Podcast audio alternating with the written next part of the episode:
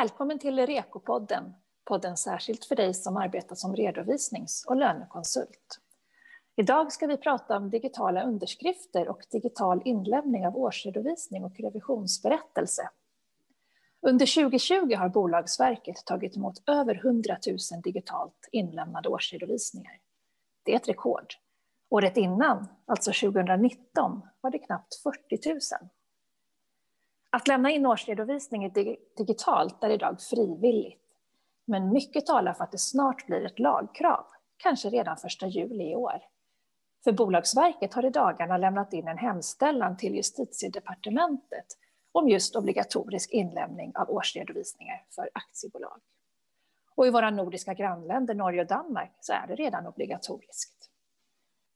Jag som leder samtalet heter Pernilla Halling och gäst idag är Sara Orback som är föreningsjurist på FAR och har arbetat med de här frågorna. Välkommen Sara. Tack så mycket.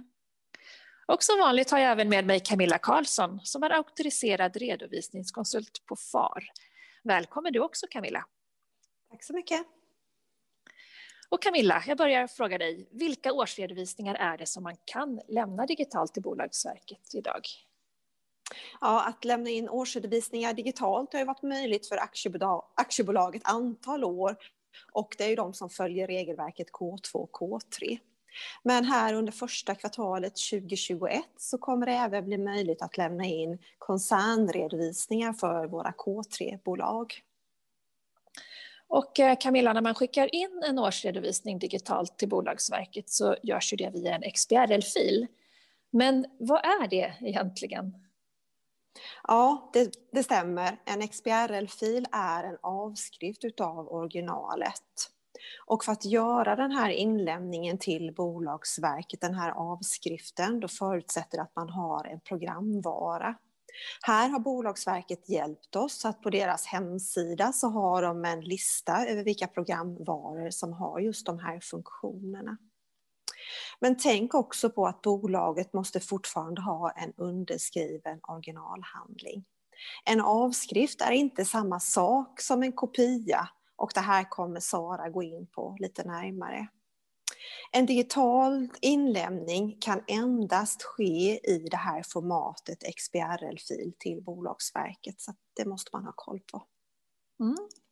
Och Sara, kanske du kan eh, hjälpa mig att reda ut begreppen kring digitala underskrifter och inlämning av årsredovisning? Ja, det finns en viss begreppsförvirring och vi kan ju börja med det här med avskrift och kopia som Camilla nämnde. Eh, bolaget måste ju alltid ha en originalhandling och sen kan man till Bolagsverket lämna en avskrift eller en kopia. Och en avskrift är eh, något annat än en kopia för det behöver inte se likadant ut som eh, själva originalet, men det ska ha exakt samma innehåll. Och det gäller ju då den här XBRL-filen. Men en kopia ser alltid likadan ut som originalet. Så, så det är skillnaden mellan avskrift och kopia. Det kan vara bra att veta. Och sen har vi också då eh, i, i lagtexten så använder man begreppet elektronisk underskrift Eh, Eh, och vi pratar om digitala underskrifter.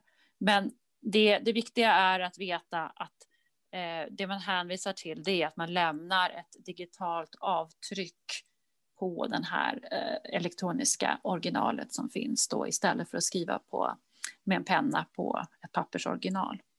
Och eh, så en digital årsredovisning det är ju alltså då en årsredovisning som sparas i elektroniskt format den digitala inlämningen, då kan det ju finnas ett eh, analogt eller digitalt eh, eh, format på originalet. Men, men det som hamnar hos Bolagsverket är vid digital inlämning alltid en, en elektronisk kopia. Det, är det någonting som blev otydligt där, Camilla? Nej, jag tyckte du tydliggjorde det här bra. Jag gillade verkligen det här elektroniskt avtryck, tycker jag var bra förklarat. Mm. Eh, det här verkar ju verkligen vara ett snårigt område. Och ehm, Camilla, vad jag förstår så finns det dessutom olika typer av digitala underskrifter. Hur ligger det till? Ja, det stämmer. Eh, man brukar prata om tre olika typer av signaturer. Det är elektronisk underskrift, det är avancerad elektronisk underskrift och så är det kvalificerad elektronisk underskrift.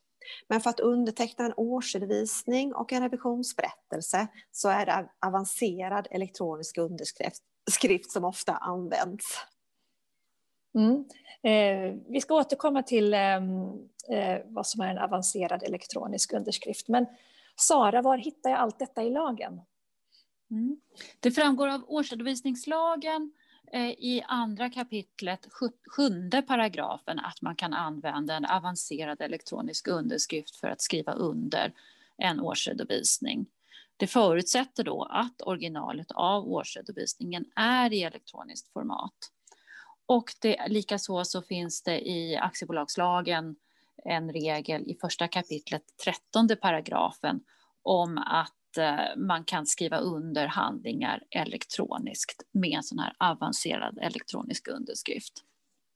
Sara, hur vet man då att en digital underskrift är en avancerad elektronisk underskrift? Ja, och då måste man titta i, i IDAS-förordningen som man hänvisar till i de här eh, lagrummen som jag just nämnde. Och där så framgår det att för att det ska vara att definieras som en avancerad elektronisk underskrift så måste den vara unikt knuten till den som skriver under.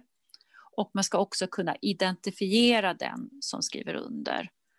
Och dessutom finns det ett krav på att man kan eh, identifiera, att när man identifierar den här personen så ska man kunna visa eh, att undertecknaren med hög grad av tillförlitlighet är den enda som kan använda den här elektroniska eh, legitimeringen, det vill säga till exempel ett bank-id eller en PIN-kod som, eh, som är certifikatbaserat. Då.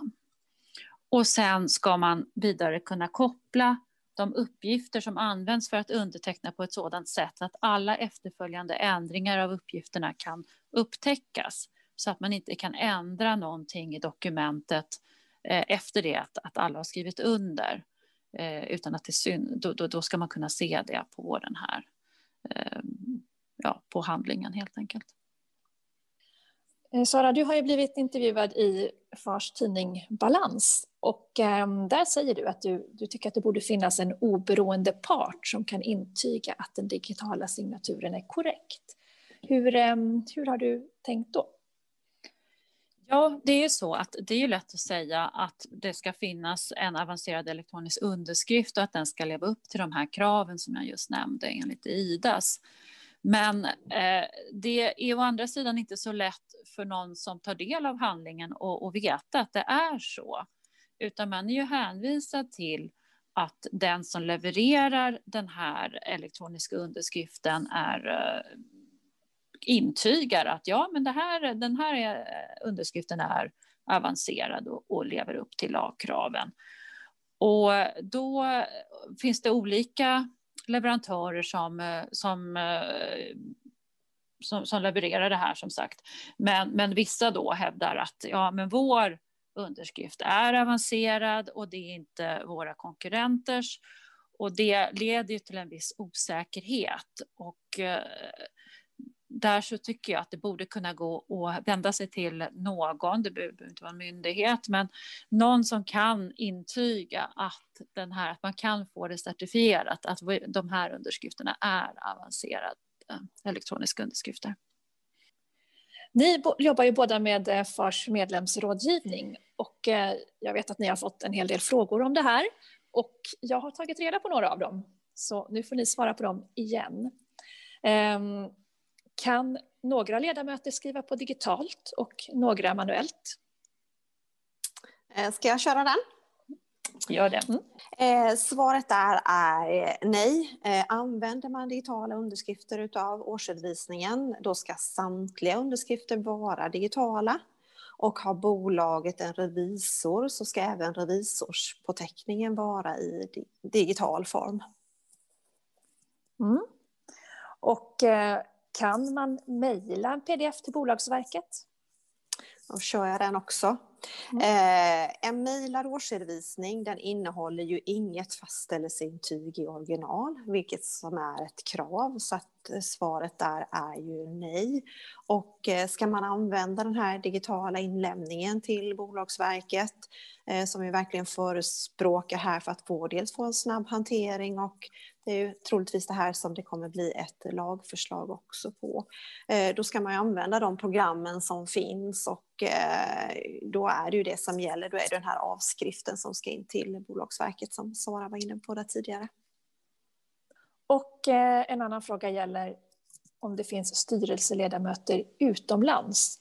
Kan de då också skriva under digitalt?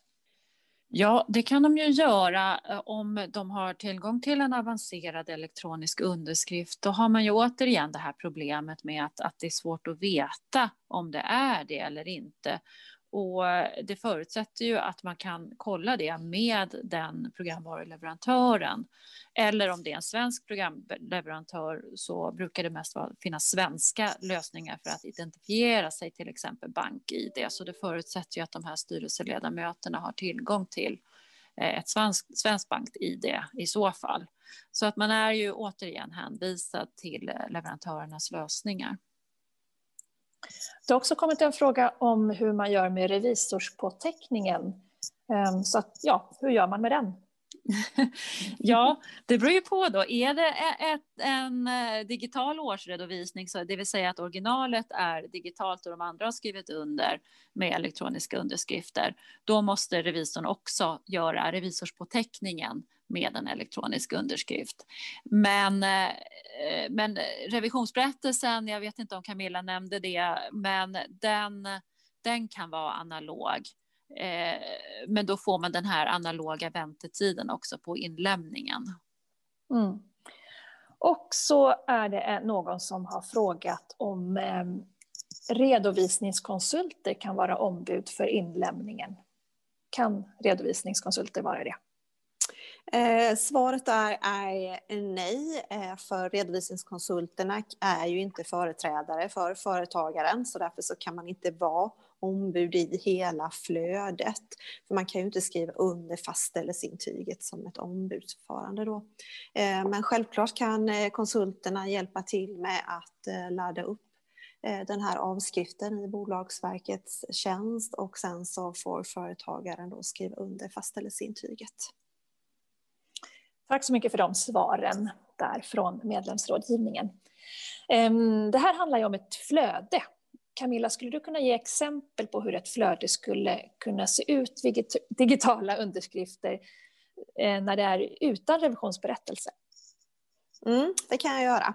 Eh, här är som sagt var ett förslag på en arbetsgång, hur man kan hantera den och den kan självklart eh, variera mellan byråerna. Men det som är extra viktigt här är ju att eh, dokumenten och underskriften att det sker i rätt ordning för här kan faktiskt till och med minuter ha en påverkan och framförallt sen när vi blandar in revision som Sara kommer komma in på. Eh, mm. Men ett förslag är att man börjar med bokföringsorden. Eh, de justeringarna som man har gjort i samband med bokslutet. Eh, den ska ju vara undertecknad av företagaren och senast i samband med när årsredovisningen underskrivs och det framgår ju av REKO. Eh, nästa steg är att man skriver under årsredovisningen. Sen har vi årsstämmoprotokollet och fastställelseintyget. Så det här blir ju fyra signeringar som eh, kunden får göra. Mm. Och Sara, då, vad, vad, är det som gäller om det är ett kombiuppdrag, alltså med revisionsberättelse? Mm. Ja, om det finns en revisor inblandad också så är det ju viktigt att revisorn får uttalandet från företagsledningen påskrivet eh, innan, eh, helst kanske före bokföringsordrarna, men åtminstone innan årsredovisningen skrivs under. Och sedan så, så har man ju också då revisionsberättelsen som blir efter det att årsredovisningen skrivits under och, och revisorspåteckningen efter revisionsberättelsen har upprättats och skrivits under. Så att eh, det är som eh, Camilla var inne på, att eh, även om man gör, skriver den ena handlingen efter den andra så är det viktigt att det blir rätt följd. Ni har ju berättat en hel del här om digitala signaturer och digital inlämning av årsredovisningar. Ehm, har ni några tips till den som vill veta mer, var, var det finns bra information? Ja, det finns väldigt mycket bra information tycker jag på Bolagsverkets hemsida. De har frågor och svar om digital inlämning som man kan titta på. Och, mm. Eh, ja, och sen kunde vi också läsa den här hemställan som de har gjort till regeringen här eh, nyligen om att göra det obligatoriskt med, original, med elektronisk ingivning. Mm. Och så kan man läsa intervjun med dig i Balans. Ja, just det. Ja, och den finns på tidningen balans.se, så den finns alltså digitalt. Och eh, Camilla, har du något supertips? Det jag vill skicka med alla här är väl framför allt att eh, försöka hålla isär de här begreppen appen och framförallt ha koll på originalet på årsredovisningen även i fortsättningen trots att den är i ett digitalt format och digitala underskrifter för det är faktiskt det originalet som ska finnas hos bolaget. Och sen har vi då avskriften som går iväg till Bolagsverket så att man tänker att det ena utesluter inte det andra utan eh, ha koll på de olika dokumenten och de olika flödena. Och de eh, visa orden får eh, avsluta den här podden. Tack så mycket Camilla och Sara för att ni har varit här och berättat om digitala underskrifter och digital ingivning av årsredovisningar.